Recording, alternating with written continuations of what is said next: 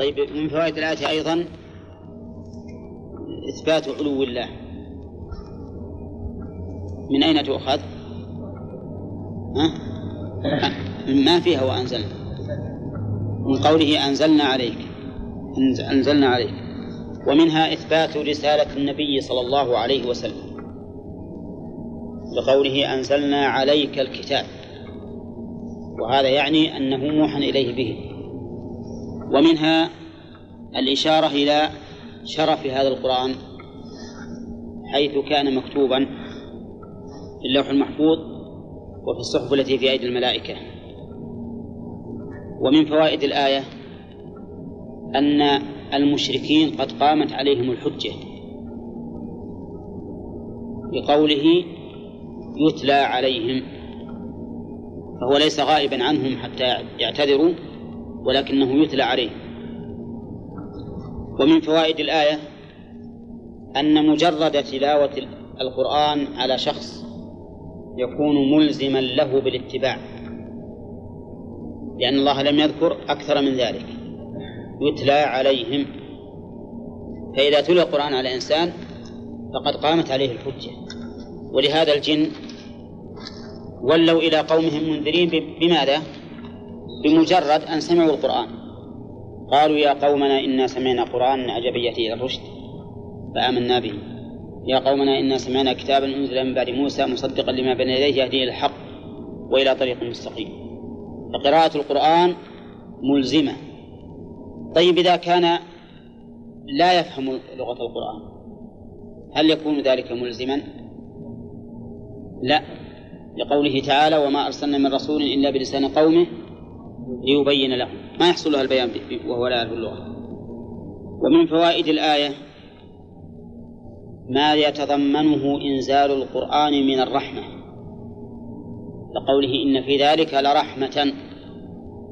ومن الذكرى وهو الابتعاض والتذكر بقوله وذكرى ومن فوائدها أنه لا ينتفع بهذه الرحمة والذكرى إلا المؤمنون. لقوم يؤمنون. ومن فوائدها أيضا أنه كلما كان الإنسان أقوى إيمانا كان أكثر انتفاعا بالقرآن. وكلما كان أضعف إيمانا أو أكثر معصية كان أبعد عن فهم القرآن والانتفاع به. بل إن المعاصي تحول بين الإنسان وبين فهم القرآن. وقد استنبط بعض العلماء من قوله تعالى من قوله تعالى واستغفر الله إن الله كان غفورا رحيما. قبله قبله. إنا أنزلنا عليك كتاب لتحكم بين الناس بما أراك الله ولا تكن للخائنين خصيما واستغفر الله. استنبطوا منها أن الاستغفار سبب لبيان الحق عند الحكم سواء كان هذا الحكم فتيا أو حكم قضاء. فإن الإنسان إذا استغفر صار ذلك مفتاحا للفهم والعلم. لأن الذنوب حائل بين الإنسان وبين التوفيق. كما قال الله تعالى كلا بل ران على قلوبهم ما كانوا يكسبون. ولهذا لما رانت على قلوبهم هذا هذا الشيء صاروا يقولون عن القرآن إنه أساطير الأولين. لم ينتفعوا به والعياذ بالله. الاستغفار هنا بعد قصة الرسول صلى الله عليه وسلم مع بني جريج. أي نعم. لكن ذكر نعم. ذكرها بعد هذا يدل على أن لها أثر. أن لها أثر حتى في المستقبل. يعني مو بعد هذا ليس هذا آخر حكم للرسول عليه الصلاة والسلام. من فوائد الآية أيضا إن في ذلك فضيلة الإيمان. فضيلة الإيمان حيث حيث تتم به الرحمة والذكرى بالقرآن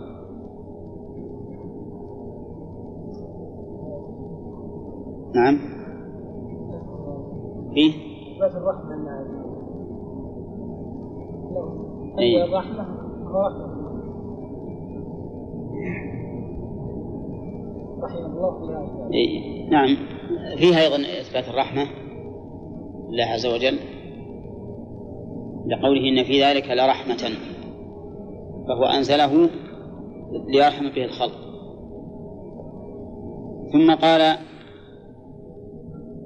تعالى قل كفى بالله بيني وبينكم شهيدا يعلم ما في السماء والأرض ما في السماوات والأرض والذين آمنوا إلى آخره. يستفاد من, من هذه الآية أن الله سبحانه وتعالى شهادته أعظم شهادة وأكبر شهادة. لقوله كفى بالله شهيدا. وفي سورة الأنعام قال الله تعالى قل أي شيء أكبر شهادة قل الله. شهيد شهيد بيني وبينكم. ومنها أيضا أن شهادة الله سبحانه وتعالى تكون بالقول وبالفعل. تكون بالقول وبالفعل. أما بالقول فإن الله تعالى يقول للنبي عليه الصلاة والسلام لكن الله يشهد بما أنزل إليك.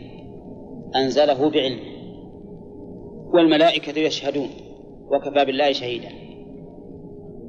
وأما بالفعل فإن تمكين الله سبحانه وتعالى لرسوله صلى الله عليه وسلم في الأرض ونصره إياه وخذلان أعدائه أكبر شهادة على أنه صاحب الحق وأن أعداءه أهل الباطل.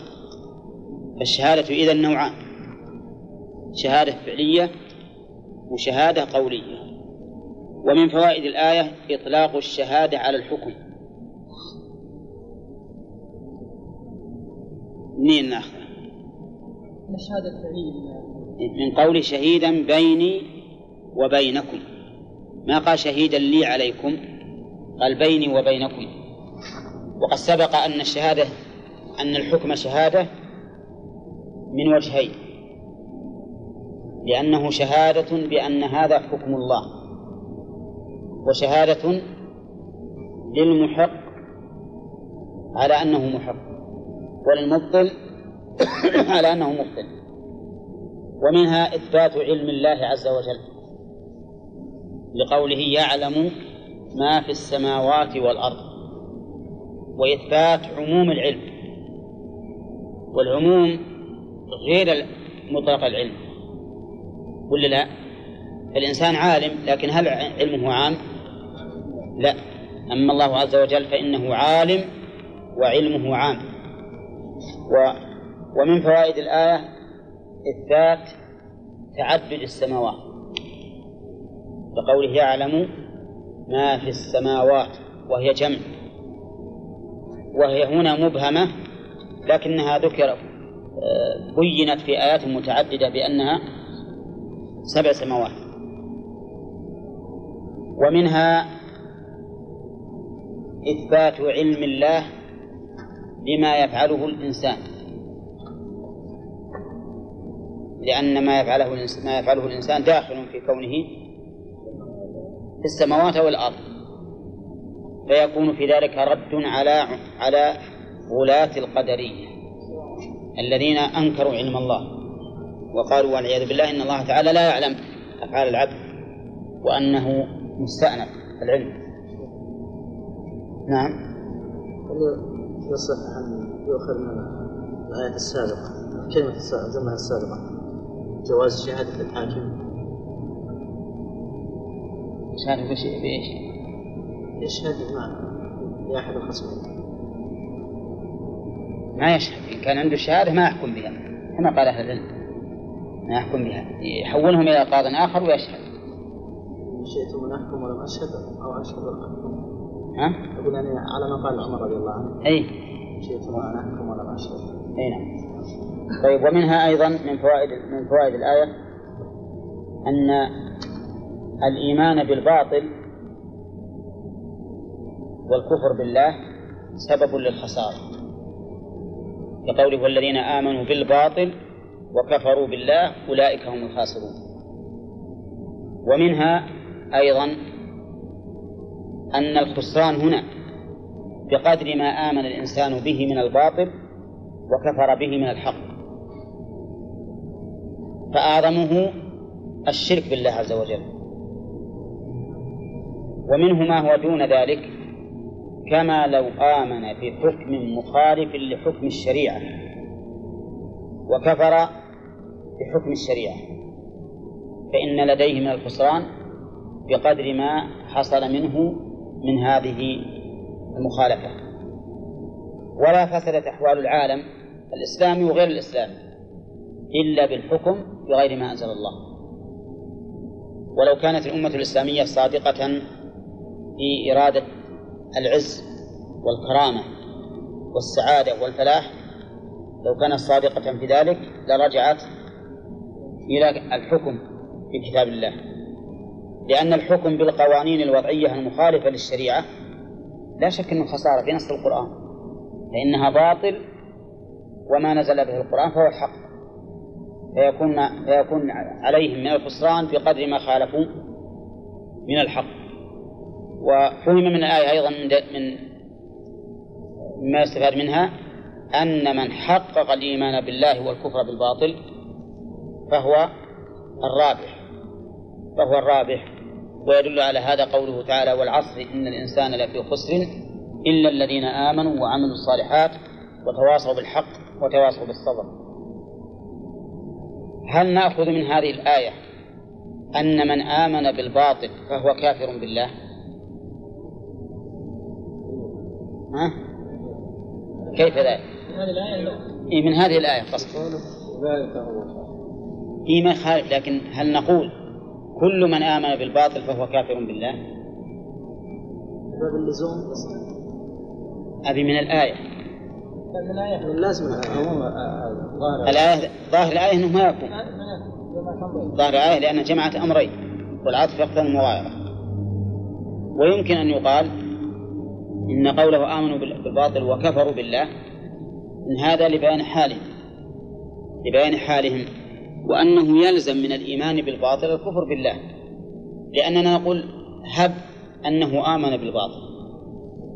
وكفر بالله عز وجل وآمن بالله أيضا. هل يكون إيمانه صادقا؟ لو قال إنه يؤمن بالله ربا. ثم صار يعبد الصنم. ولنا أؤمن بالله لكنه يعبد الصنم. ها؟ ما صار مؤمن مؤمن بالله. فهو ملازم فالإيمان بالباطل يلزم من الكفر. لكن هذا الكفر بالله قصد لكن هذا في الحقيقة حكاية لحالهم. أنهم آمنوا جمعوا بين الأمرين صريحا فآمنوا بالباطل وكفروا بالله. و ثم قال تعالى ويستعجلونك بالعذاب ولولا أجل مسمى. يستفاد من هذه الآية أمران. استعجالهم بالعذاب يستفاد منه أمران. الأول سفههم. فإن الإنسان إذا وعد بالشيء فإن العقل والرشد يقتضي أن لا يستعجل به. ولهذا قال المؤمن لآل فرعون إن يكن كاذبا فعليه كذبا وإن يك صادقا يصبكم بعض الذي يعدكم. فكون الإنسان يوعد بالعذاب إذا لم يؤمن ثم يستعجل به هذا من السفه. والفائدة الثانية تفيد أنهم قوم عتاة معاندون ولهذا يتحدون أخبار الرسل باستعجالهم بالعذاب. نعم. ومن فوائد الآية أيضا آه، حكمة الله عز وجل. إثبات حكمة الله وأنها غاية في الكمال. لقوله ولولا أجل مسمى لجاءهم العذاب. فلولا الحكمة لعوجلوا بالعذاب لاستعجالهم به ولكن الحكمة تقتضي عدم ذلك. وانظر إلى غاية الحكمة الإنسانية في قول الرسول عليه الصلاة والسلام لملك الجبال لما جاء يستأذنه قال إن شئت طبقت عليهم الأخشبين. فقال عليه الصلاة والسلام بل أستأني بهم. لعل الله أن يخرج من أصلابهم من يعبد الله. ما ظنك لو أن مثل هذا وقع لواحد من الناس؟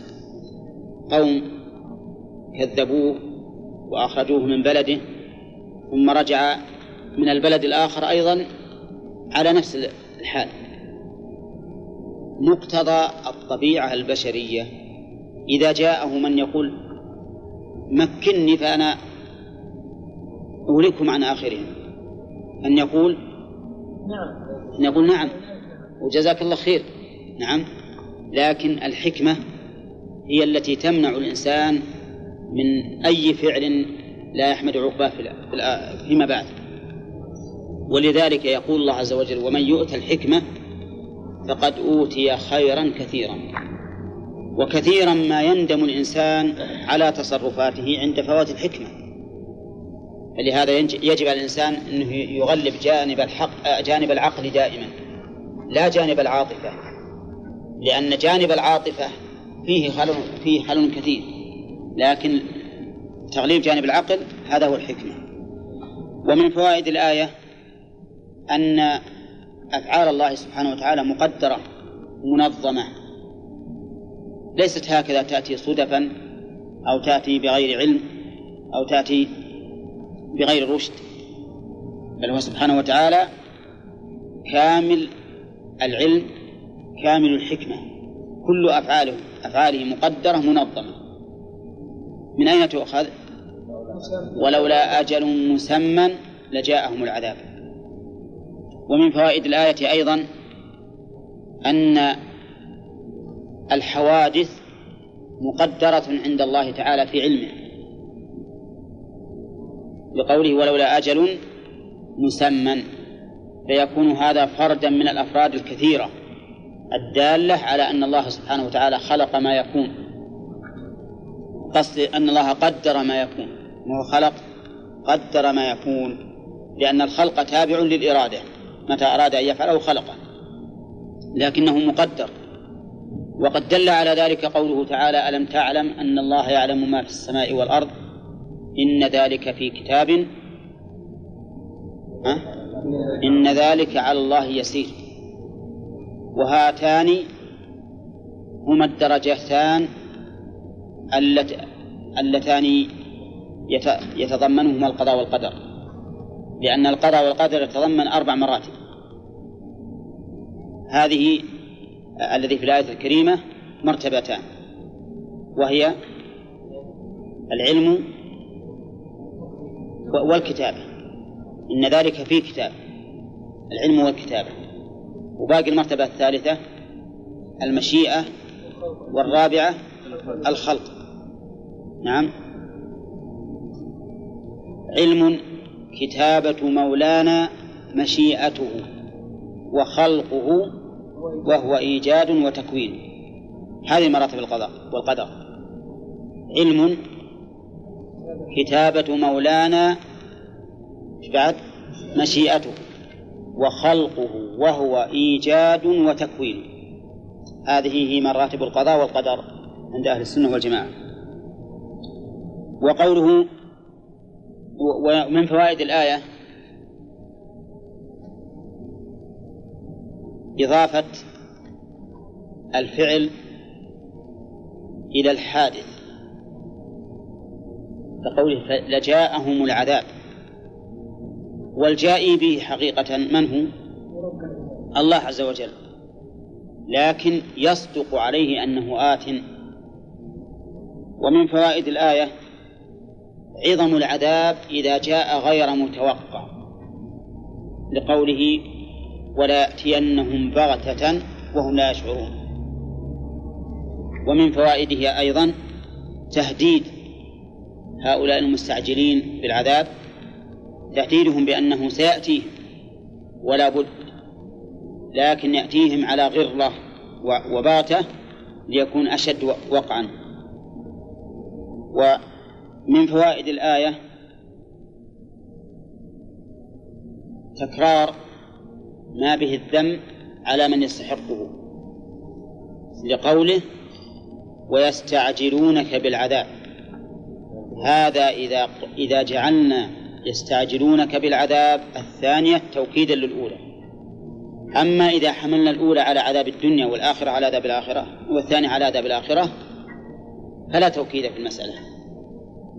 ومن فوائد الآية أن أهل النار والعياذ بالله يأتيهم العذاب من كل وجه.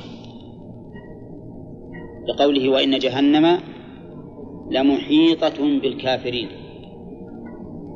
ومن فوائدها عظم هذا العذاب حيث كان يغلظ عليهم من ناحيتين العلو والسفل لأنه يكون كالغطاء والوطاء يكون لهم بمنزلة الغطاء والوطاء.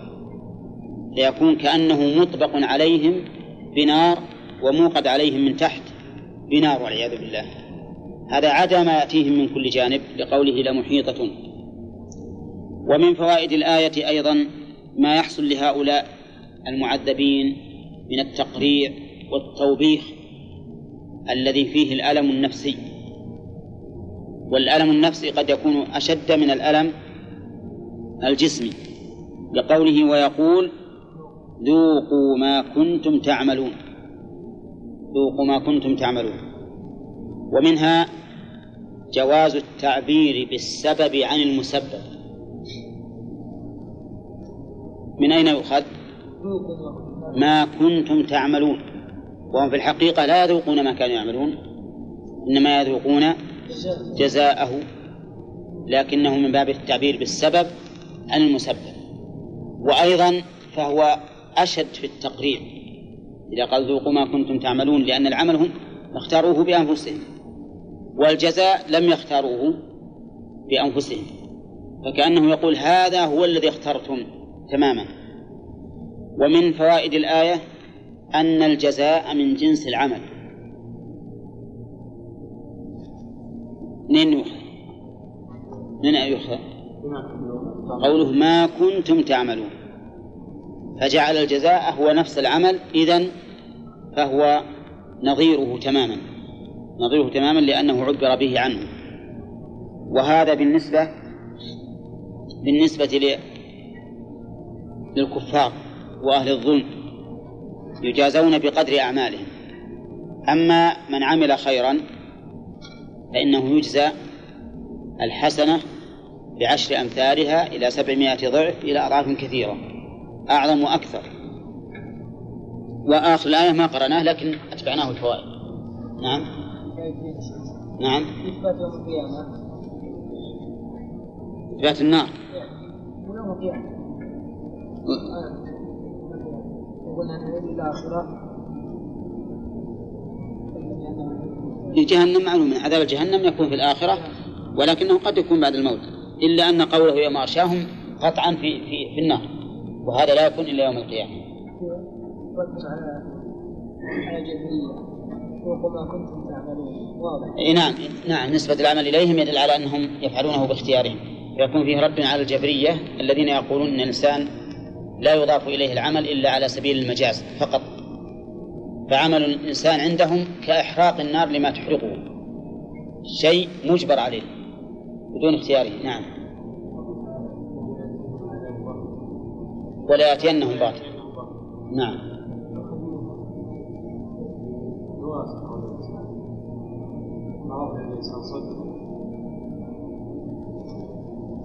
إيه.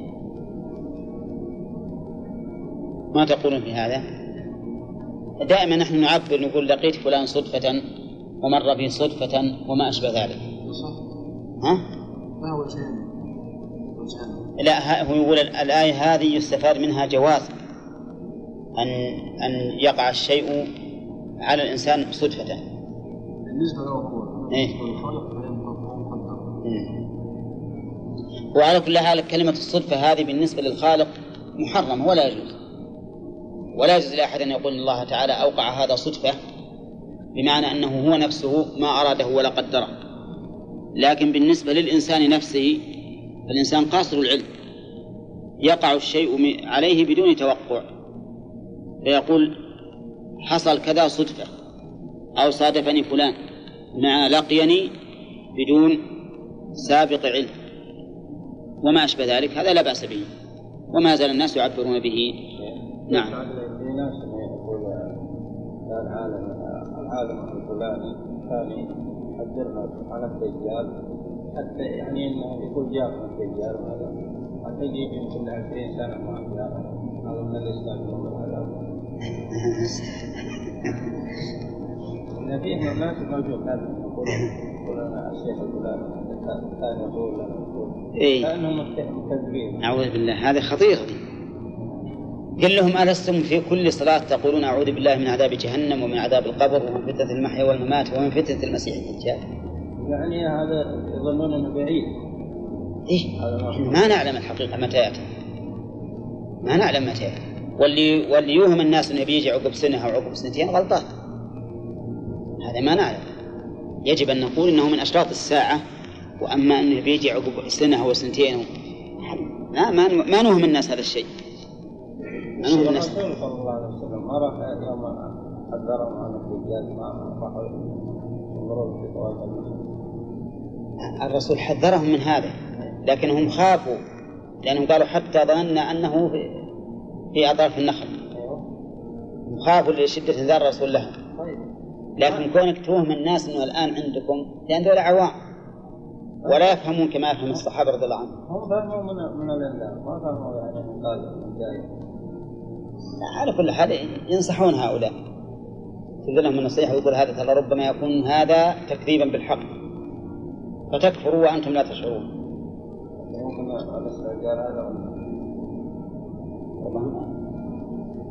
إن كانوا عن شك في هذا الأمر هو يشبه الاستعجال بالعذاب. مع أن الدجال ليس عذابا في الحقيقة هو عذاب على قوم ورحمة على آخرين. فهذا الذي يقتله ويحييه هو أعظم الناس شهادة عند الله.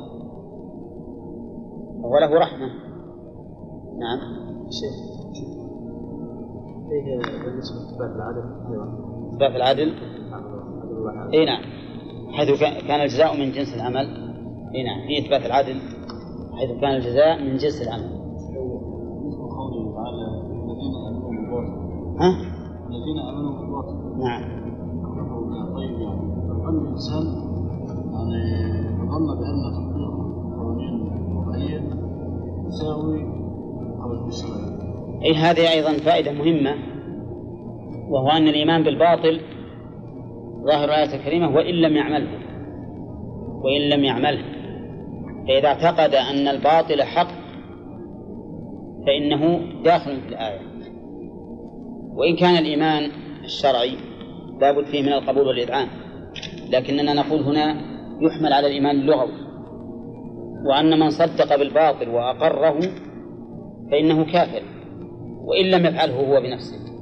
فالذي يقول مثلا هذه القوانين الوضعية المخالفة للشريعة نعم إنها حق فإننا نحكم بكفره لأنه إذا أثبت الحق في أحد المتضادين لزم أن ينتفي الحق عن الضد الآخر. ولا بد وعلى هذا فالمسألة هذه خطيرة. فإشعار الناس من بعض أهل العلم أن هذه القوانين الوضعية صحيحة وحق وهي تخالف الشريعة هذا خطير عظيم خطر عظيم. يعني قريبه شيء من الاسلام يعني ها؟ يعني اذا ارادوا ان مثلا يقربوها إلى يعني إلى الاسلام كما يفعلون يعني. في مثلا بعض الاحكام يحاولوا يقربوها إلى الإسلام يعني شيئا قليلا يعني. وعلى كل حال إذا أمكن أن إذا أمكن أن نصححها بطريق من الطرق فهذا أولى. معلوم. لكن كون بن- بنقول أنها مخالفة للشريعة الإسلامية ونقول هذه أحق وأولى هذا خطأ. بعض. إلا الإيمان ببعض الكتاب والكفر ببعض هذا كفر بالجميع لأنه يكون اتبع هواه حيث حيث أخذ بما وافق الهوى. نعم. كثير من اللي يسافرون للغرب تجدهم جو يتحدثون يقولون مثلا هذه الحياة هذه الرفاه هذه السعادة. يحذرون مم. مسألة إي نعم. هؤلاء في الحقيقة عندهم جهل عظيم. لأن لأن لأن ما عليه الغرب منه شيء حق. منه شيء حق. كالصدق والإخلاص في المعاملة وما أشبه ذلك. هذا حق يحمدون عليه. ومنه ما هو باطل. فسق وفجور وكفر. فلا يحملون عليه. فيكون الذي يمدحهم على سبيل الإطلاق هذا أخطأ خطأ خطأ عظيما وهو على خطر. وأما من قال إن فيه معاملة طيبة فلا شك أن هذا أمر يجب أن يقوله الإنسان. يعني هذا هو العدل. هذا هو العدل. طيب ثم وإذا لم يؤمن بالباطل لكن عمل به لأن هذا هو السيد عنده عنده كيف؟ إذا لم يؤمن بالباطل ولكن عمل به إن كان مكرها عليه. لأن يتحكم إليه يعني هذا ما يوجد أقول إذا كان مكرها عليه. ليس مكره رجل عنده حق ضائع. نعم. فيريد أن يأتي من محكمة تحكم بهذا الباطل هل يجوز له ذلك؟ وإلا نتحكم إلى هذه المحكمة لا, لا يحصل على الحق. ما تقولون في هذه هذه مشكلة. عن عادة أن فيها وجب أي وش يشتغلون فيها؟ مضطر إليه. لأنه استخراج حق يجب عليه يجوز له أن يستخرج حقه. هذه بشرط أن يكون إن حكم له بغير الحق أن يرفض الحكم. بغير الحق. بغير الحق. يجب عليه يرفض, يرفض الحكم. مثلا افرض أن تحاكم إلى هذا هذا الحاكم. وحكم له بمضاعفة الحق على المطلوب. مثلا. هذا ما يجوز أن يقبله لا يجوز يقبله الحق أيضا. لا لا قصدي أنا قصدي أنه إذا ألجأ إلى المحاكمة إلى هؤلاء فقد نقول بالجواز لاست- لاستخراج حقه بشرط أن لا يقبل أكثر من الحق. وقد نقول بالمنع أيضا لأن التحاكم إليهم يوجب اغترار المسلمين بذلك. لأنه يقال مثلا فلان حاكم إليهم فيوجب اغترار المسلمين بهذا. ولكن الظاهر أنه يجوز إذا إذا كان وسيلة لاستخراج حقه بشرط ألا يقبل ما زاد على الحق. والناس مضطرون إلى هذا في البلاد الأخرى. وحقيقة مضطرون. تضيع حقوقهم صعبة هذا. ها؟ من العالم العالم القدوة أي يجوز الإلحاق عند هؤلاء معه لا حق لأن العالم ما هو مثل والله ربما أن يقال القدوة ليس كغيره لتحقق المفسدة في حقه فيقال أنت على كل حال تقدر أن هذا شيء كتبه الله عليك وضرر لا بد منه. القدوة هذا يذهب إليهم ويأخذ حقه ويخبرهم بالفساد ما هم عليه ويصرف لا مشكلة هو صحيح لكن ما هو يعني يصرح في كل مكان كل مكان صعب ولا ولا يمكن يأخذ ويصرح بأنه مكان الإنسان اضطر- حين اضطر إلى التصوير نعم. ودخل محلات التصوير نعم. فهو يعني ينكر عليهم بشدة ويبين لهم ضلال هم عليه إيه. إيه. خطأ اللي ارتكبوه نعم. وهو مضطر إلى هذا. إذا ما وجد التحاكم مهم مهم من جنس التصوير الحقيقة التحاكم آه، شيء حساس جدا. فعلى كل حال إذا تيقنت المفسدة فهذا يجب أنك تتجنب هذا. وتجعل مالك هذا من الأمور التي قدر الله عليه أن يتعب الإمام أحمد ما ما قدوة ما إيه تأول. غيرها غيرها. الإمام أحمد لو لو لو قال إن القرآن مخلوق مشكلة بس هذه مين مثل ذي. هذه أنا لا. لأن لأن قول القرآن مخلوق معناه قول بالباطل. أما هذا فأنا ما رحت بتحاكم إليه لأجل يحكم لي بالباطل. ولهذا لو قلنا إنه بشرط أنه إذا حكم له بغير الحق يرفض الحكم. ما فيه إلا الإيهام فقط. ما فيه إلا الإيهام فقط. لكن كلام الإمام أحمد مو بإيهام. صريح. إذا قال مثلا إن القرآن مخلوق واضح. لكن لو, لو أنكر عليهم قالوا العالم الفلاني يتحاكم عندهم العالم الفلاني. نعم نقول العالم الفلاني تحاكم عندهم لكنه عارضه. وأنكر عليه.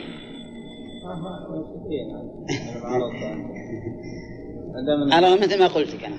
أنا قلت إذا كان الإنسان قدوة ويخشى أن يكون عليه مفسدة يكون مفسدة في الإسلام فكونه يرى أن هذا أمر قدره الله على ماله وتلف أولى من كونه يتحاكم.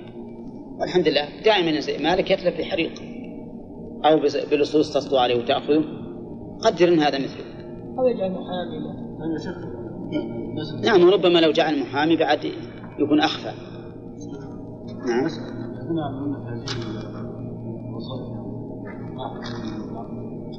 حكم عملهم إذا كانوا يريدون أن يخففوا من مخالفة الشرع. فهذا لا بأس به بل قد يجب عليهم. إذا قالوا نحن سن- سنكون هنا حكاما لأجل أن نحكم بالشريعة بقدر ما نستطيع. بقدر ما يستطيعون. فهؤلاء قد يجب عليهم أن يتوظفوا أما إذا كانوا ما يعرفون أنفسهم أنهم ما يستطيعون وأنهم سيوا- سيوافقون هؤلاء. فهو لا يجوز. ها؟ في بعض الأشياء لابد فيها يعني يصرح له بالاختيار لكن هناك أشياء لابد يجبر على أن يحكم فيها بقوانين معينة ونصوص عليها. وفي له في أشياء معلومة وتخالف الشرع لابد له أن يتبعها وليس له أن إذا كان ما يمكن تخفيفه فلا فلا يدخل عندهم فلا يدخل عندهم إذا كان ما يمكن. هذا وذاك يعني خلط إذا إذا كان لا يمكنه أن يخفف الأحكام المخالفة للشرع وأنه لا بد أن أن يحكم بها. فلا يمكنه أن يتخلى عنها ولا يمكنه أن يخفف. فإنه لا يجوز الدخول. التخفيف مثلا أنه في بعض الأحيان يحكم بالحق ولو كان يجبر عليه. فيحكم بالحق ويأتي بم- بمبررات تخالف معارضة الدولة مثلا. فهذا يجب عليه الدخول. أما إذا كان ما يمكن أبدا إلا أن يحكم بالطاغوت فإنه لا يجوز أن يدخل خلونا نكمل الآية لأن ترى باقي شيء. قوله ونقول ذوقوا ما كنتم تعملون أي جزاءه فلا تفوتوننا. قوله ذوقوا الأمر هنا للإهانة. الأمر للإهانة لإهانتهم وتوبيخهم. وقوله ما كنتم تعملون. ما هنا اسم موصول بمعنى الذي. وعلى هذا يكون العائد محذوفا. التقدير ما كنتم تعملونه. نعم. وقوله آه، ما كنتم تعملون. والراحة ما شاء الله. نعم. آه، أي جزاءه. وهو كذلك. لكنه عبر بالعمل نفسه لأنه السبب ولأن الجزاء من جنسه. وفيها أيضا قبل قوله تعالى ونقول فيه بالنون أي نأمر بالقول وبالياء أي يقول الموكل بالعذاب. هذا في الحقيقة تحريف من المؤلف. نقول أي نأمر من يقول. ما هو الداعي لصرف اللفظ عن ظاهره؟ هل فيه داعي؟ ما فيه داعي. ولهذا المتعين أن يكون القائل هو الله عز وجل. وقد قال الله تعالى في سورة المؤمنون قال اخسأوا فيها ولا تكلمون فإذا كان هناك قال اخسأوا فيها كلام الله ولا شك فهنا هو كلامه أيضا بلا شك. قال اخسأوا فيها ولا تكلموني إنه كان فريق من عبادي يقولون آمنا. ربنا آمنا فاغفر لنا. وهذا واضح وصريح بأن القائل هو الله. وهنا أيضا القائل هو الله. وكوننا نقول نأمر من يقول هذا تحريف. فما الذي يمنع أن يكون الله تعالى هو الذي يقول؟ أليس الله يتكلم؟ ها؟ بلى. يتكلم بما شاء متى شاء كيف شاء. وكلامه سبحانه وتعالى مسموع بصوت لا يشبه الأصوات لكنه بحروف. يفهمها من؟ المخاطب به. يفهمها المخاطب بهذا الكلام. وقوله نقول أضافه إلى نفسه بصيغة العظمة لأنه سبحانه وتعالى أعظم العظماء. كما قال تعالى وكنا بكل شيء عالمين. ومعلوم أنه واحد لكن هذا من باب التعظيم. وهو سبحانه وتعالى لا شك أنه عظيم. وقد سبق لنا أن ما أضافه الله إلى نفسه بصيغة العظمة قد يراد به هو نفسه وهو الغالب الكثير. وقد يراد به ملائكته وهو كثير أيضا. لكن الأكثر أنه إلى الله عز وجل. فمما جاء والمراد به الملائكة قوله تعالى فإذا قرأناه فاتبع قرآنه. المراد جبريل إذا قرأه جبريل. ومما جاء كذلك قوله تعالى وجاءته البشرى يجادلنا في قوم لوط. فإن إبراهيم ما جادل الله وإنما جادل الملائكة. ومنه قوله تعالى في المحتضر ونحن أقرب إليه منكم ولكن لا تبصرون. فإن المراد بالقرب قرب الملائكة بدليل قوله ولكن لا تبصرون. فإن هذا يدل على أن هذا القريب في نفس المكان لكنه لا يبصر. وكذلك قوله على القول الراجح ونحن أقرب إليه من حبل الوريد إذ يتلقى المتلقيان عن اليمين وعن الشمال قعيد. فإن المراد أقرب إليه بملائكتنا لأنه قيد هذا القرب بقوله إذ يتلقى المتلقيان. فصار المراد قرب هذين المتلقيين. وأما قوله تعالى وإذا سألك عبادي عني فإني قريب أجيب دعوة الداعي إذا دعان. فالمراد به قربه نفسه قرب الله نفسه. ولكنه قريب في علوه. لا يلزم من هذا القرب أن يكون الله سبحانه وتعالى في نفس المكان الذي أنت فيه. فإن هذا مستحيل على الله عز وجل ممتنع. لكنه يقرب من خلقه كيف شاء كسائر صفاته.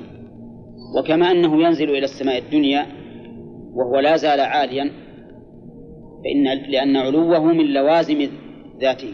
إذ أن العلو من الصفات الذاتية التي لا ينفك الله عنها فكذلك يقرب من خلقه كيف يشاء مع علوه سبحانه وتعالى.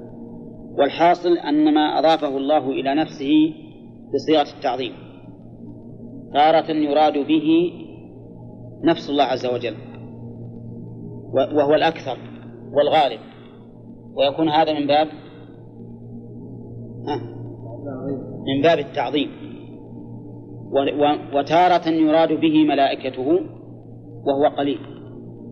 فإذا قال قائل كيف صح أن يضاف إليه وهو لملائكته قلنا لأن ملائكته تفعل بأمره تفعل بأمره فهم عباده يفعلون ما يؤمرون وما كان يفعل بأمره بأمر الآمر صح أن ينسب إليه. أولى وقد مر علينا هذا كثيرا. قال فرعون يا هامان ابني لي صرحا لعلي أبلغ الأسباب. لا شك أن المراد مر من يبنيه. ما يريد أن هامان هو اللي يروح يباشر يجيب المساحي والمعاول والزنابيل ويبني. ما أراد هذا. وقوله نأمر من يقول ذلك هذا أو وبالياء أي يقول الم... أي يقول الملك الموكل بالعذاب. يوم يغشاهم العذاب من فوقهم ومن تحت أرجلهم ويقول ذوقوا ما كنتم. ويقول يقول المؤلف أن المراد الموكل الملك الموكل بالعذاب. تأويل الآية بالملك هنا أهون من تأويله في قوله ونقول. وذلك لأنه لأن ويقول فيها ضمير مستتر للمتكلم ولا للغائب؟ ها؟ للغائب هذا الغائب يجوز أن يكون الله أن يكون الله ويجوز أن يكون غير الله ولكننا نقول يمنع أن يكون المراد أن يكون القائل الملك القراءة الأخرى وش القراءة الأخرى؟ ونقول فإنها تدل على أن القائل هو الله عز وجل. فلو فسرنا يقول بأنه الملك لخالفنا القراءة الثانية وهي ها؟ وهي ونقول لأن نقول يتعين أن يكون القائل هو الله. ولا شك أن الآيتين يفسر بعضهما بعضا أو القراءتين. أن القراءتين يفسر بعضهما بعضا. القراءة الثانية قد تكون تفسيرا للأولى. يا أيها الذين آمنوا إن جاءكم فاسق بنبأ فتبينوا. القراءة الثانية فتثبتوا. إذا ما معنى تبينوا؟ تثبتوا. مفهوم؟ فقول المؤلف نأمر من يقول أو يقول الملك كلاهما تحريف. كلاهما تحريف. الحامل عليه صار ركعتين تحية المسجد على وضوء. أقول الحامل عليه هو الاعتقاد ولهذا أنا أكرر عليكم دائما.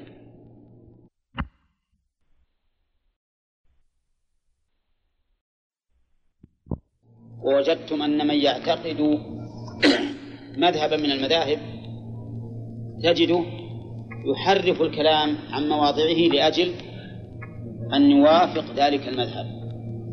وهذا خطير جدا والواجب أن يكون الإنسان نحو الأدلة ساذجا. بمعنى؟ خاليا. بمعنى خاليا. خاليا مرة يكون تابعا تماما. نعم. لا يجعل الدليل تابعا يجعل نفسه هو التابع. ويكون كأنه أرض ما فيها عشب ولا نبات. فهي مهيئة لما يبذر فيها. وليس فيها نبات من قبل. إن كان فيها نبات من قبل مشكل يمكن يحاول أنه يكون الغرس مثل هذا النبات. اللهم نعم. لحظة. ها؟ قوله قول أهل السنة بحرف وصوت. نعم. لو قال قائل مثلا ما ورد. كلمة بحرف والصوت وإنما إثبات كلام الله عز وجل فقط ماذا الجواب؟ نقول الجواب على هذا ينبغي أن نعرف أن السنة والجماعة جعلنا الله وإياكم منهم صار لهم أحوال وأوقات ينزلون كل حال وكل وقت آه كل حال وكل وقت منزلته هم ابتلوا بقوم يقولون إن كلام الله هو المعنى القائم في النفس. يقولون المعنى أن المعنى أن كلام الله هو المعنى القائم في النفس. وعلى هذا فإن هذا القول في الحقيقة نفي لكلام الله. اضطروا إلى أن يقولوا بحرف وصوت تأكيدا لمعنى الكلام فقط. فهم مضطرون لمقابلة هؤلاء. ولهذا لما قيل للإمام أحمد ما بالنا نقول غير مخلوق؟ والسلف اللي قبلنا ما قالوا غير مخلوق. قالوا منزل وسكت فتعجب الإمام أحمد قال كيف ما نقول غير مخلوق وهؤلاء يقولون مخلوق؟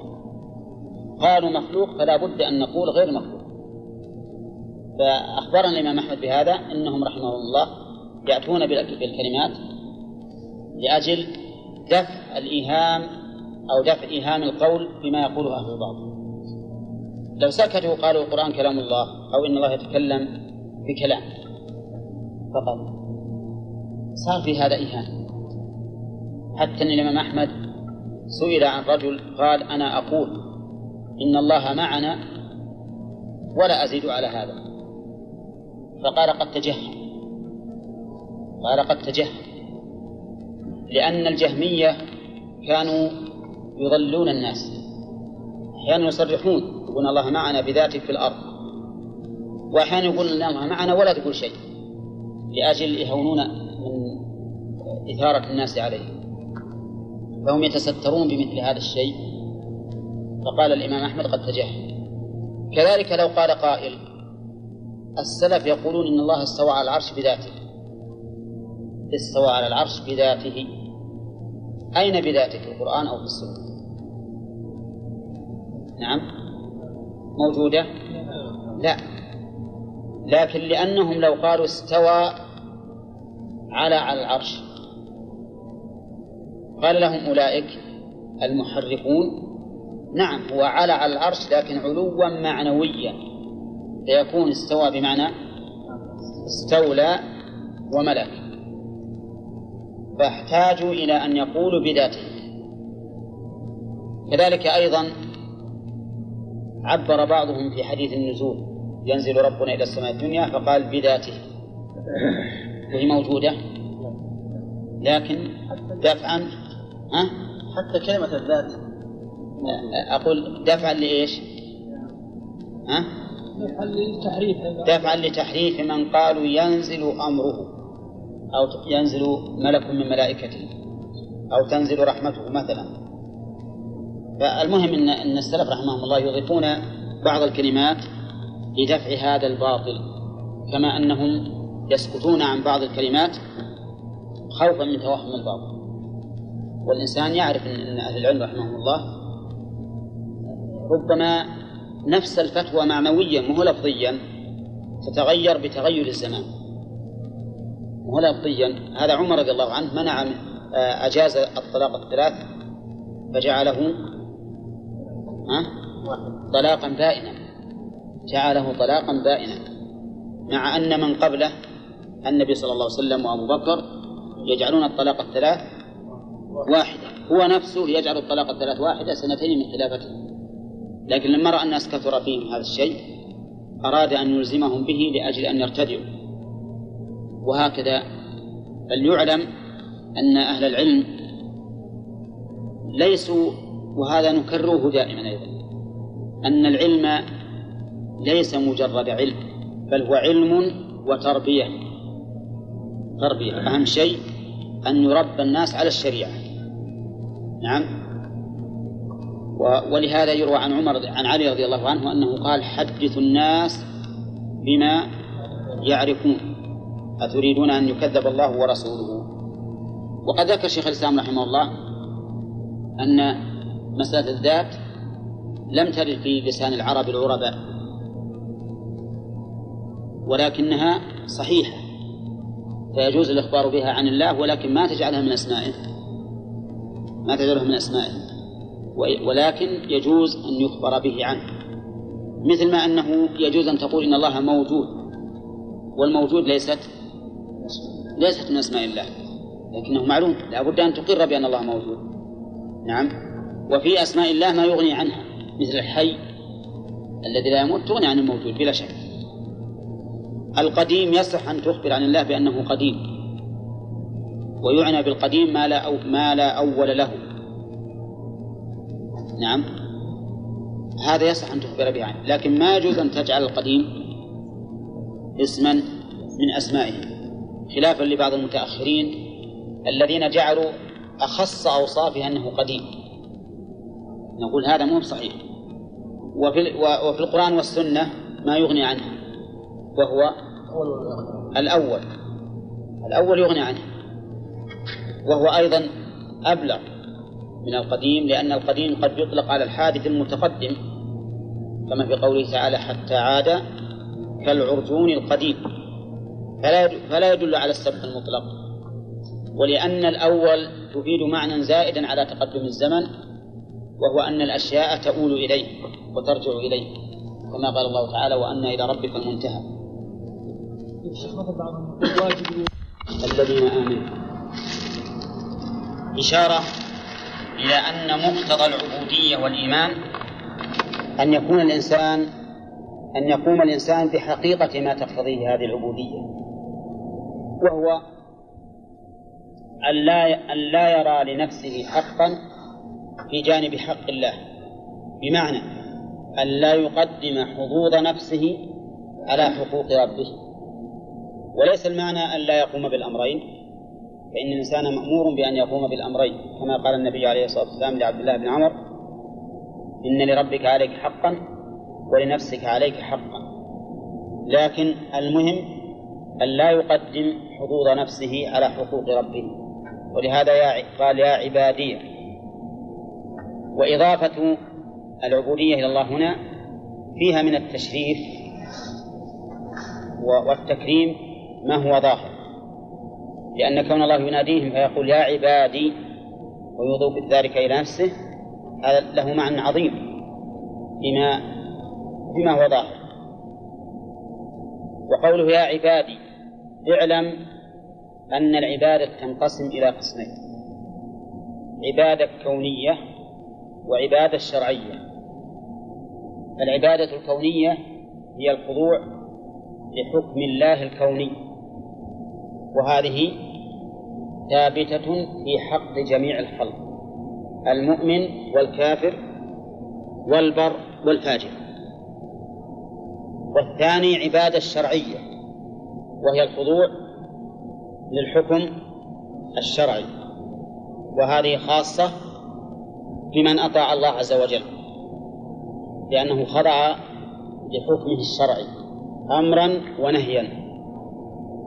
واخترت أن أعبر بقولي حكم دون أمر لأجل يشمل الأمر والنهي فإن العبادة هي القيام بطاعة الله أمرا امتثالا للأمر واجتنابا للنهي وقوله يا عبادي طيب أمثلة لذلك.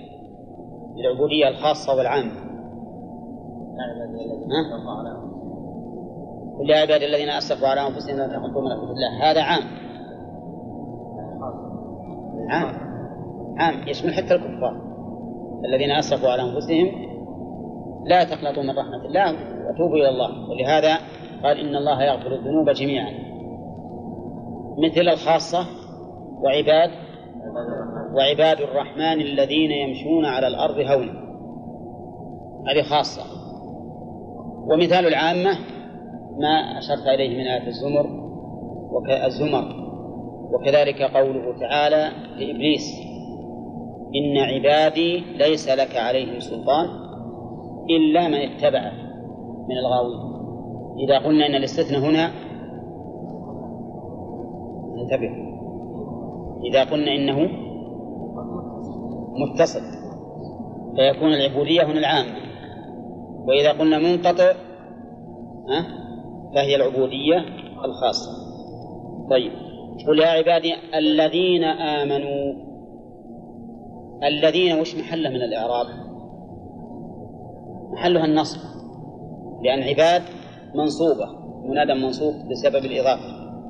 الذين آمنوا آمنوا سبق لنا مرارا أن الإيمان هو التصديق المستلزم للقبول والإذعان وليس مجرد التصديق كما قاله أهل الإرجاء.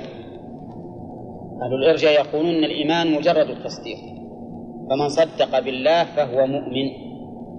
لكن إذا استكبر عن العبادة كان دليلا على عدم صدقه في تصديقه. وهذا قول منكر والصواب الذي عليه أهل السنة والجماعة أن الإيمان هو التصديق المستلزم للقبول والإذعان نعم. وقول الذين آمنوا إن أرضي واسعة. هذا هو محط النداء. المنادى يا عبادي الذين آمنوا. والمنادى به الذي هو محط النداء قوله إن أرضي واسعة. أرضي. الإضافة هنا من باب إضافة المملوك إلى مالكه فتكون من باب إضافة الخلق والتكوين أو من باب إضافة الاختصاص يعني الأرض التي هي محل عبادتي. نعم. أيوه. أه؟ إذا قلنا إنها الأول صار إشارة إلى أن يهاجروا إلى بلاد كفر أو إسلام. وإذا قلنا إنها الثاني إن أرضي واسعة أرضي التي هي على سبيل الاختصاص وهي أرض عبادة الله. تكون هنا يراد بها البلاد الإسلامية البلاد الإسلامية. وهذا هو الظاهر. ظاهر هذا وأنه سبحانه وتعالى يريد يحث المقيمين في بلاد الكفر على أن يهاجروا إلى أرض الله. نعم. وهو كقوله تعالى إن الذين توفاهم الملائكة ظالمي أنفسهم. قالوا فيما كنتم؟ قالوا كنا مستضعفين في الأرض. قالوا ألم تكن أرض الله واسعة؟ وهذا واضح لأن المراد بأرض الله هنا؟ أرض الإيمان والعبادة التي هي دار الإسلام. قوله إن أرضي واسعة. الواسع معناه ضد الضيق يعني الذي يسع ما يكون فيه وليس فيها ضيق. فلا حجة لكم في التأخر عن الهجرة. ولهذا قال فإياي فاعبدون. قول إياي. مش محل من الإعراب؟ مفعول يعبدون؟ ضمير في محل نصب في محل نصب. مفعول يعبدون. ها؟ نعم. إيش؟ مقدم مقدم. مفعول مقدم. طيب. ولكن هذا ليس بصحيح. على الرغم من إجماعه. وفي هذا دليل على الإجماع. ليس بحجة. لا ممكن نقول بدل لا. ممكن نقول بدل عن الياء لأن جاءت تعبدون الحين تعبدون مفعول محذوف. نعم. لأن نون الوقاية تدل على أن هناك ياء. اعبدوني. ولهذا قيل إن إياي مفعول لفعل مقدر. مفعول لفعل مقدر نعم. المعنى؟ آه نعم. فإياي فاعبدون إياي خص بالعبادة فاعبدون. لا لا الاشتغال ما هي بالضمائر. ما تكون بالضمائر. تكون بالأسماء الظاهرة. أما أما الضمائر فيه يقدر لها أفعال. إذا نقول إياي مفعول لفعل محذوف دل عليه ما بعده. أما مفعول الفعل الموجود فهو محذوف. دلت عليه نون الوقاية. وقوله فاعبدون. قد يقول قائل هذا يتناقض مع قوله يا عبادي. ولكننا نقول لا يتناقض. لأن المراد اعبدون أي أديموا عبادتي وأكملوها. لأن الأمر بما هو واقع لغو من القول. فحينئذ لابد أن نقدر معنى يتلاءم مع الأمر. في القرآن الكريم يا أيها الذين آمنوا آمنوا بالله ورسوله والكتاب الذي نزل على رسوله. يا أيها الذين آمنوا آمنوا بالله ورسوله. طيب ما آمنوا؟ ها؟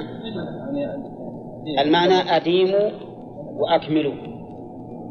أديموا وأكملوا واستمروا على الإيمان. هذه مثله يا عبادي فاعبدون المعنى أديموا عبادتي وحققوها بالتكميل.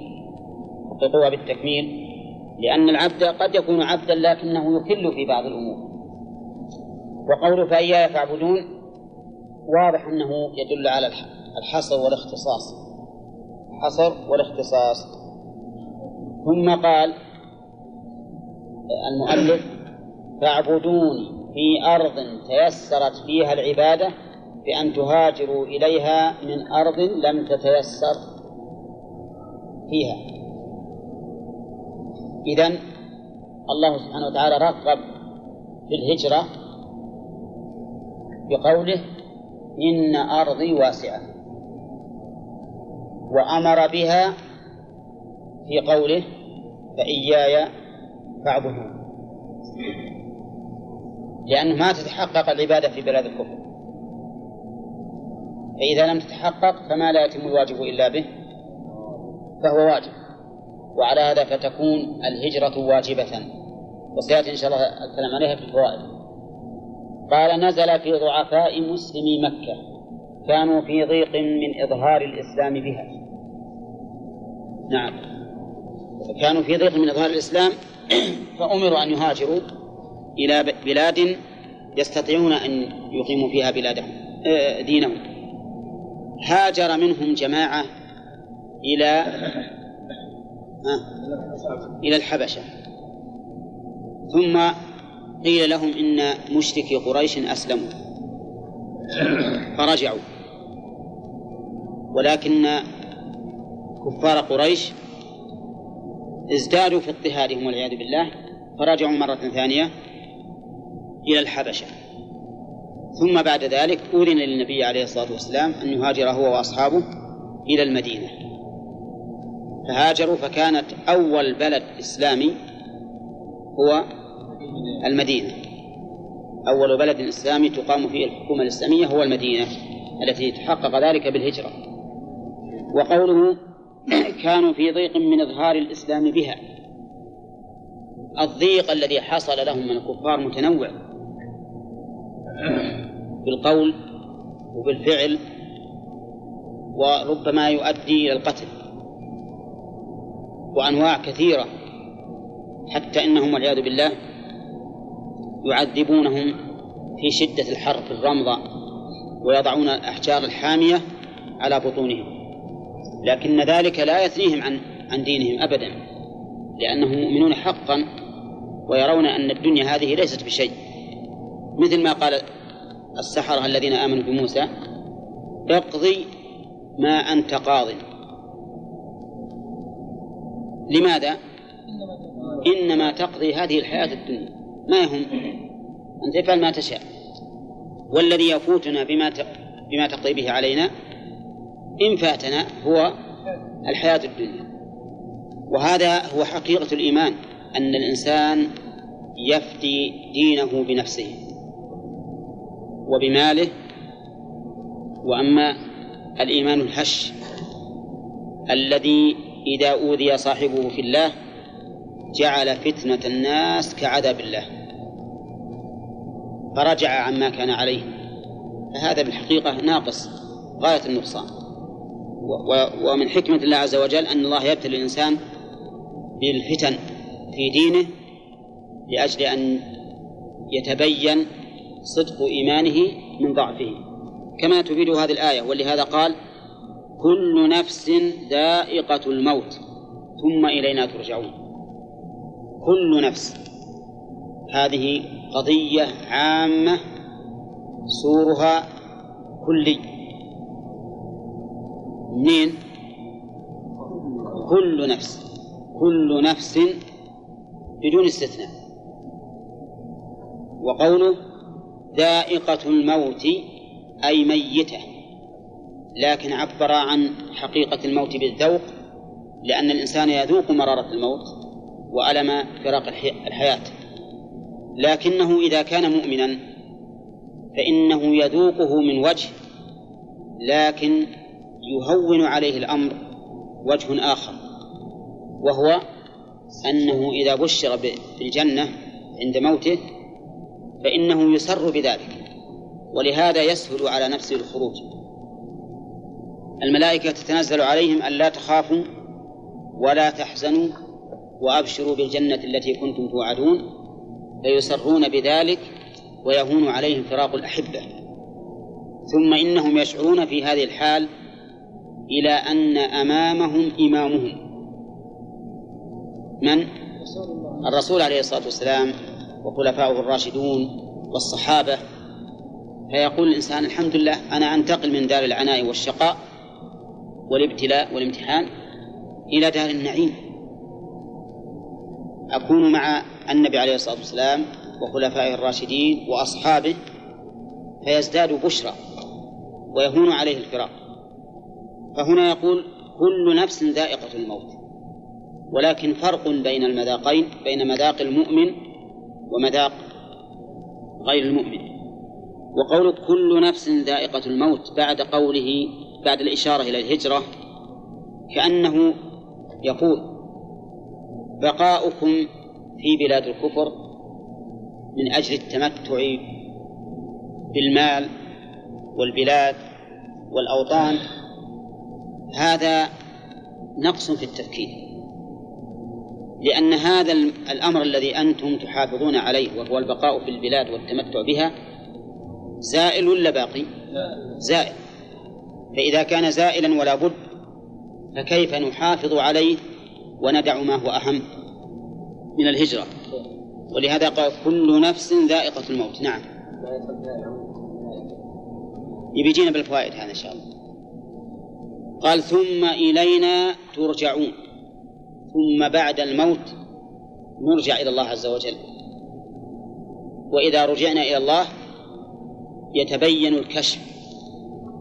كشف الحساب ماذا حصل.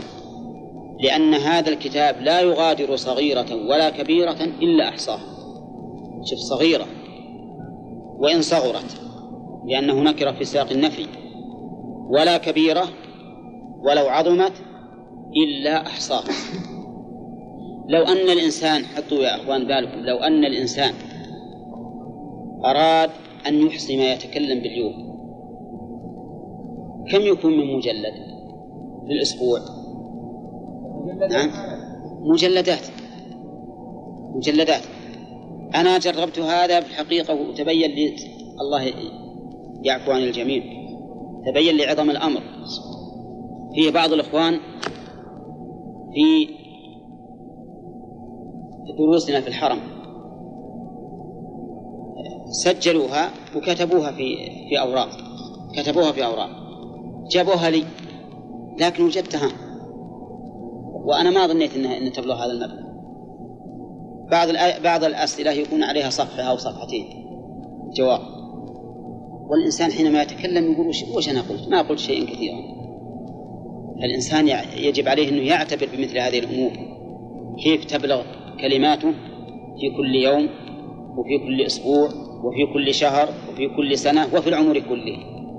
وهذا الكتاب لا يغادر صغيرة ولا كبيرة إلا أحصاها ما يلفظ من قول إلا لديه رقيب عتيد. نعم؟ موجودة موجودة عندي هم جايبينها لي يقولون ترتبه ولا شوف نعم. بالنسبة للكلام العادي لا ويكتب وقد قال الله تعالى إن الحسنات يذهبن السيئات. الحسنات يذهبن السيئات. فتكتب الحسنات وتمحى السيئات و... نعم. الكلام العادي لكن حسن ولا الكلام العادي ما ندري والله. المؤكد إنه يكتب. أما مسألة إنه يمحى ما ندري. إلا ما أخبر الله به من أن الحسنات يذهبن السيئات. وكذلك قوله يمحو الله ما يشاء ويثبت. يدخل في هذا النوع. في قال ورد ذكر ورد قال تعس الدابة قال ملكة السيئات ليست بحسنة. وبسيئة فاكتبها. قال ملكة الحسنات. ليست بحسنة فاكتبها. فأخبرهم الله سبحانه وتعالى أن ما ليس بحسنة فاكتبوه سيئة. لا لا لا لا هذا حرام. لأنه النطق ما غير الحق باطل يعني. أعوذ بالله. لا ما هو صحيح. هذا نسأل الله العافية. وهذا ينسبونه لله بعد؟ ينسبونه إلى الله؟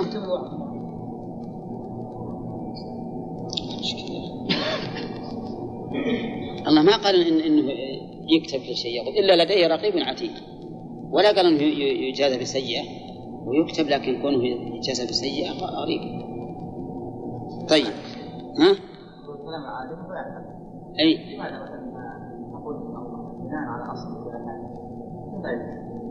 لا نقول يكتب ولكن ما يجازى ما يجازى عليه. الجزاء غير غير مسألة الكتابة. أي لعموم الآيات. نعم لعموم الآيات. طيب وقوله ثم إلينا ترجعون. ترجعون بالتاء والياء. بالتاء والياء. قراءتان سبعيتان؟ ها؟ نعم. يرجعون وترجعون.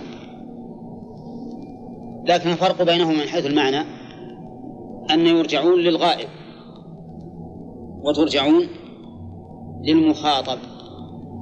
وفي قوله ثم إلينا ترجعون ترغيب وترهيب. ترغيب وترهيب. فالإنسان إذا نظر إلى رحمة الله عز وجل وسعة عفوه رغب وقال سأرجع إلى رب عفو كريم وإذا نظر إلى شدة عقابه وأخذه إن أخذه أليم شديد فإنه يخاف فإنه يخاف. وهل يجنب وهل يغلب جانب الرجاء أو جانب الخوف؟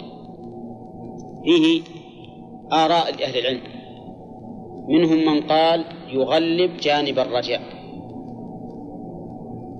ومنهم من قال يغلب جانب الخوف. نعم. والآيات في هذا قد ترجح هذا القول وقد ترجح هذا القول. نبئ عبادي أني أنا الغفور الرحيم وأن عذابي هو العذاب الأليم. فبدأ بالمغفرة والرحمة قبل ذكر العذاب وقال اعلموا أن الله شديد العقاب وأن الله غفور رحيم. فبدأ بالتهديد قبل الوعد. فاختلف أهل العلم في هذا.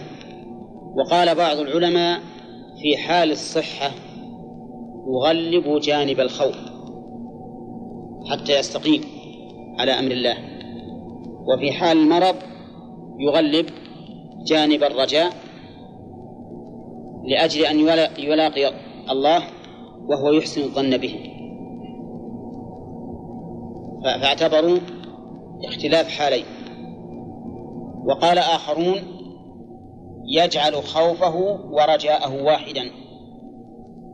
قال الإمام أحمد ينبغي أن يكون خوفه ورجاؤه واحدا فأيهما غلب؟ هلك صاحبه.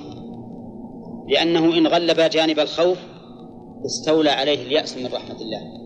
وإن غلب جانب الرجاء استولى عليه الأمن من مكر الله. فيكون بين هذا وهذا. وقال بعض العلماء في حال الطاعة يغلب جانب الرجاء.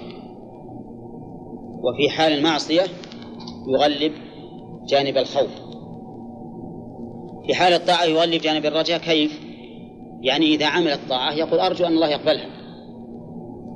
فينشط على العبادة ويفعلها. في المعصية يغلب جانب الخوف لئلا يفعل المعصية أو يستمر عليها بدون توبة. والذي يظهر لي والله أعلم أنه إذا لم يكن هناك سبب لتغليب أحدهما على الآخر فالأولى أن يكون سواء. أما إذا كان هناك سبب فإنه ينبغي أن يتبع ذلك السبب. فإذا هم بالمعصية لو جعل رجاءه وخوفه واحدا هانت عليه. لكن لو غلب جانب الخوف وعظمة من يعصيه كان ذلك أحسن له في تجنب المعصية. لا. نعم لو وقع في المعصية وأراد التوبة قلنا غلب جانب الرجاء. نعم. الرسول دخل على رجل ما يحتاط نعم. قال كيف حالك؟ مع الحديث؟ قال أرجو الله أخاف الموت نعم. قال ما اجتمع في قلب عبد مثل هذا الموطن إلا دخل الجنة. إيه؟ فيدل على استواء الأمرين على كل حال المسألة لها أحوال. خلاف خلاف الأحوال أحسن. وهذا الحديث إن شاء الله تحققه لنا. زينا صحة من ضعفه ثم إلينا ترجعون. قال المؤلف بعد البعث الذين آمنوا الذين آمنوا. أو الذين. والذين آمنوا وعملوا الصالحات لنبوئنهم ننزلنهم وفي قراءة بالمثلثة بعد النون. من الثواء الإقامة وتعديته إلى غرفا بحذف في طيب الآية فيها قراءتان. لنبوئنهم بمعنى لننزلنهم. وعلى هذا فتكون ألها في نبوئنهم المفعول الأول وغرفا المفعول الثاني. في قراءة أخرى بدل الباء ثاء وبدل الهمزة واو. لنثوينهم. هذا لفظها. لنثوينهم. ومن هو مأخوذ من الثواء وهو الإقامة. يقال ثوى في المكان أقام فيه. وعلى هذا فتكون غرفا منصوبة بنزع الخاطر. في. أي لنثوينهم في غرف. لنقيمنهم في غرف. وقيل إنها منصوبة بتعدي الفعل إليها على سبيل التوسع. وهذا أصح لأنه على هذا لا يحتاج إلى تقدير. على هذا الوجه لا يحتاج إلى تقدير فيه. المهم أن الآية, أن الآية فيها قراءتان وهما لنبوئنهم ننزلنهم ولنثوينهم لنقيمنهم. لنقيمنهم. والقراءتان يثبت معناهما جميعا. فتكون الآية دالة على الإنزال وأنه إنزال إقامة. لا إنزال إعارة. بل هو إنزال إقامة. يعني ننزلنهم على وجه الإقامة الدائمة. كما في آيات كثيرة تدل على دوام نعيم أهل الجنة.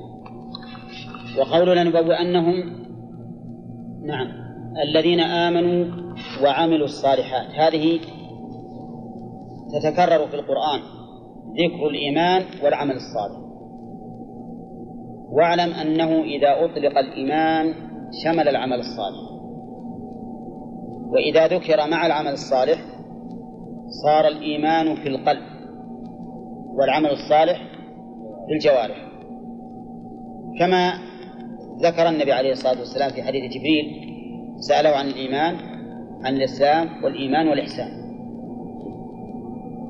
فبين كل واحد منهما على حدة ولكن إذا أطلق الإيمان شمل الإسلام. وإذا أطلق الإسلام شمل الإيمان. ورضيت لكم الإسلام دينا. يشمل جميع الشريعة بعقائدها وأعمالها. هنا قال الإيمان آمنوا وعملوا الصالحات. نقول الإيمان في القلب وهو العقيدة.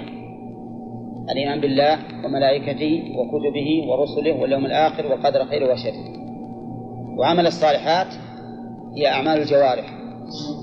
وإذا قيل عمل شمل ثلاثة أعمال. عمل القلب وعمل اللسان وعمل الجوارح.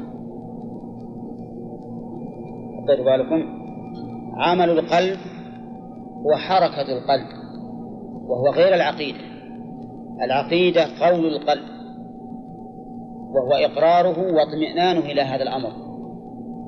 وأما عمله فإنه حركة يتحرك بها كالمحبة مثلا وكالتوكل وكالرجاء والخوف ونحو هذا.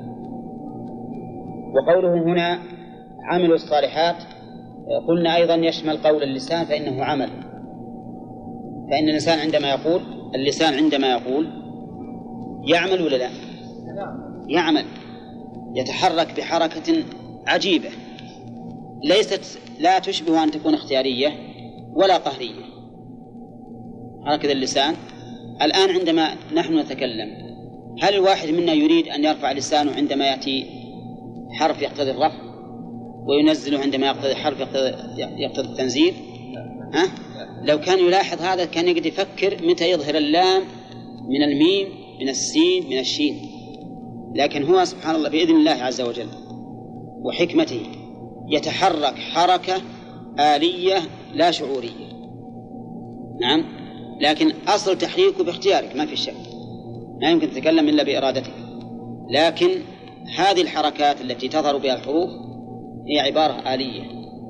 والله سبحانه وتعالى على كل شيء قدير. بهذا يعرف قدرة الله سبحانه وتعالى في الخلق. كيف هذا الجزء من البدن يتحرك هذه الحركة الآلية.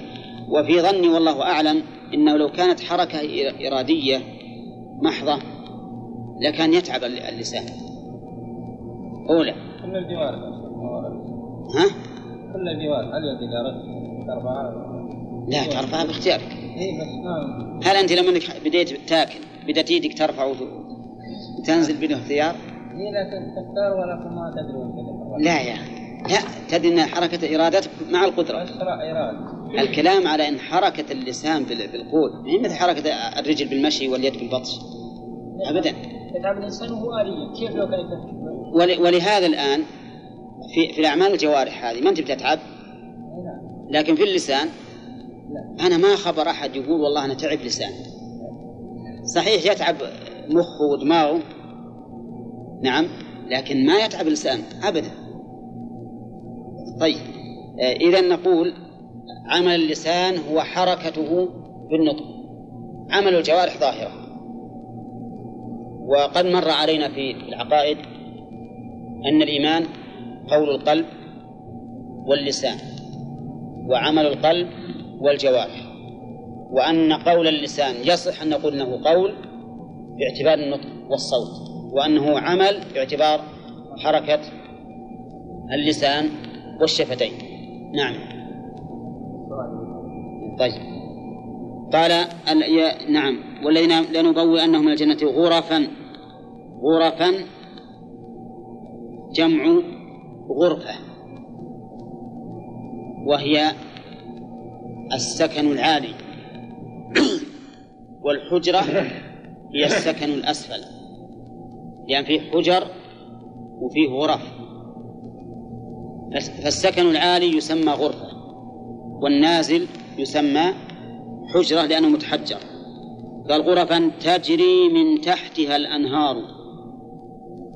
من تحتها الأنهار جمع نهر. وهذه الأنهار أربعة أصناف. كما قال الله تعالى فيها أنهار من ماء غير آسن وأنهار من لبن لم يتغير طعمه وأنهار من خمر لذة للشاربين وأنهار من عسل مصفى. الله أكبر. أنهار. تجري. اللبن جاء من من بقر أو إبل؟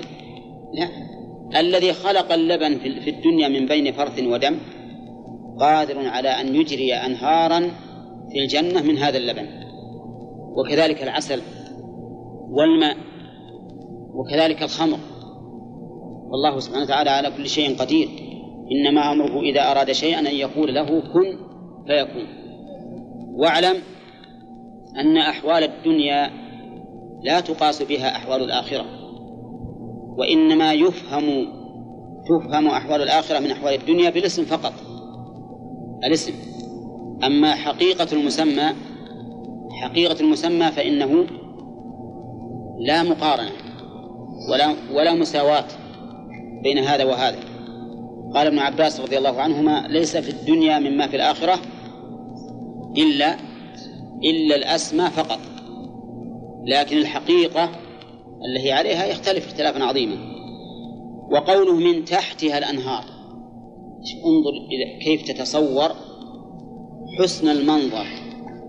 إذا صار هذه الغرف والقصور العظيمة والخيام تجري من تحتها هذه الأنهار المضطردة. يعني منظر يبهج الناظرين. ولا يساويه شيء في الحسن والسرور. وهذه الأنهار كما قال ابن القيم وردت فيها أحاديث تدل على أنها تجري بدون أخدود يعني بدون شيء يمنعها. يتصرف فيها الناس كما يشاءون يدبرها بدون مساحي وبدون عمال كما يشاءون.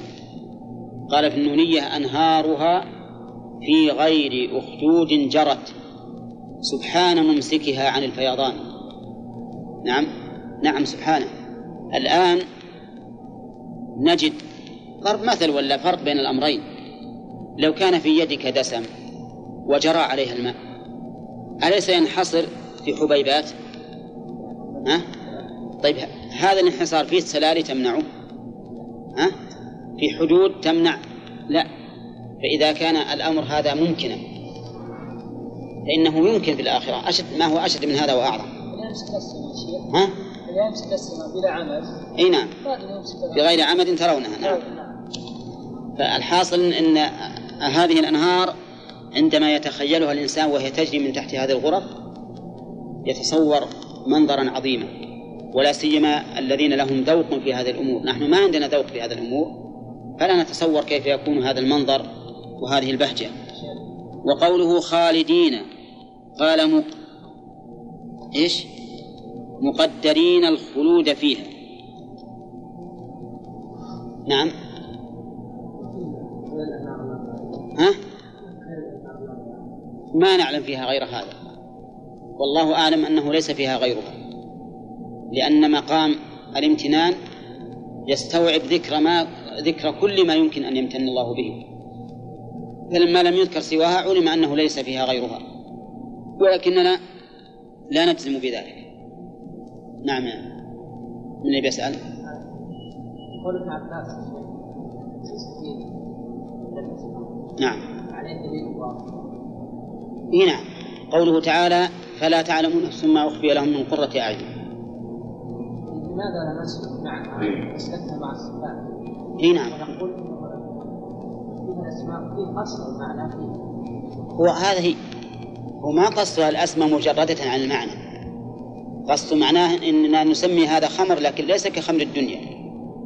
هي بس يثبت فيها اصل الخلق الرقيق مثلا الخمر يعني إحنا نجد هنا عندنا أو مثلا مثل العسل مثل إيه. العسل. طيب. نجد اصل الفرق فين؟ العسل معروف أنه هو هذا الشراب الحلو. اللذيذ لكن هل حلاوة ما في الآخرة كحلاوة ما في الدنيا؟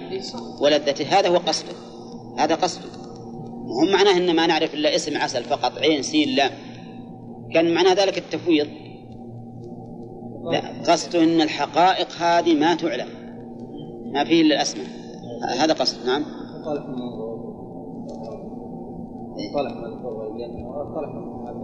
إيه موجود عندنا في الدنيا. بس ما في فائدة. فيه فائدة. أخي. إن أولا سيستفيد منه فائدة عظيمة. أي أنت ما تخبر أوراق هذه؟ أوراق النبت تؤخذ من من ذا و- وتت-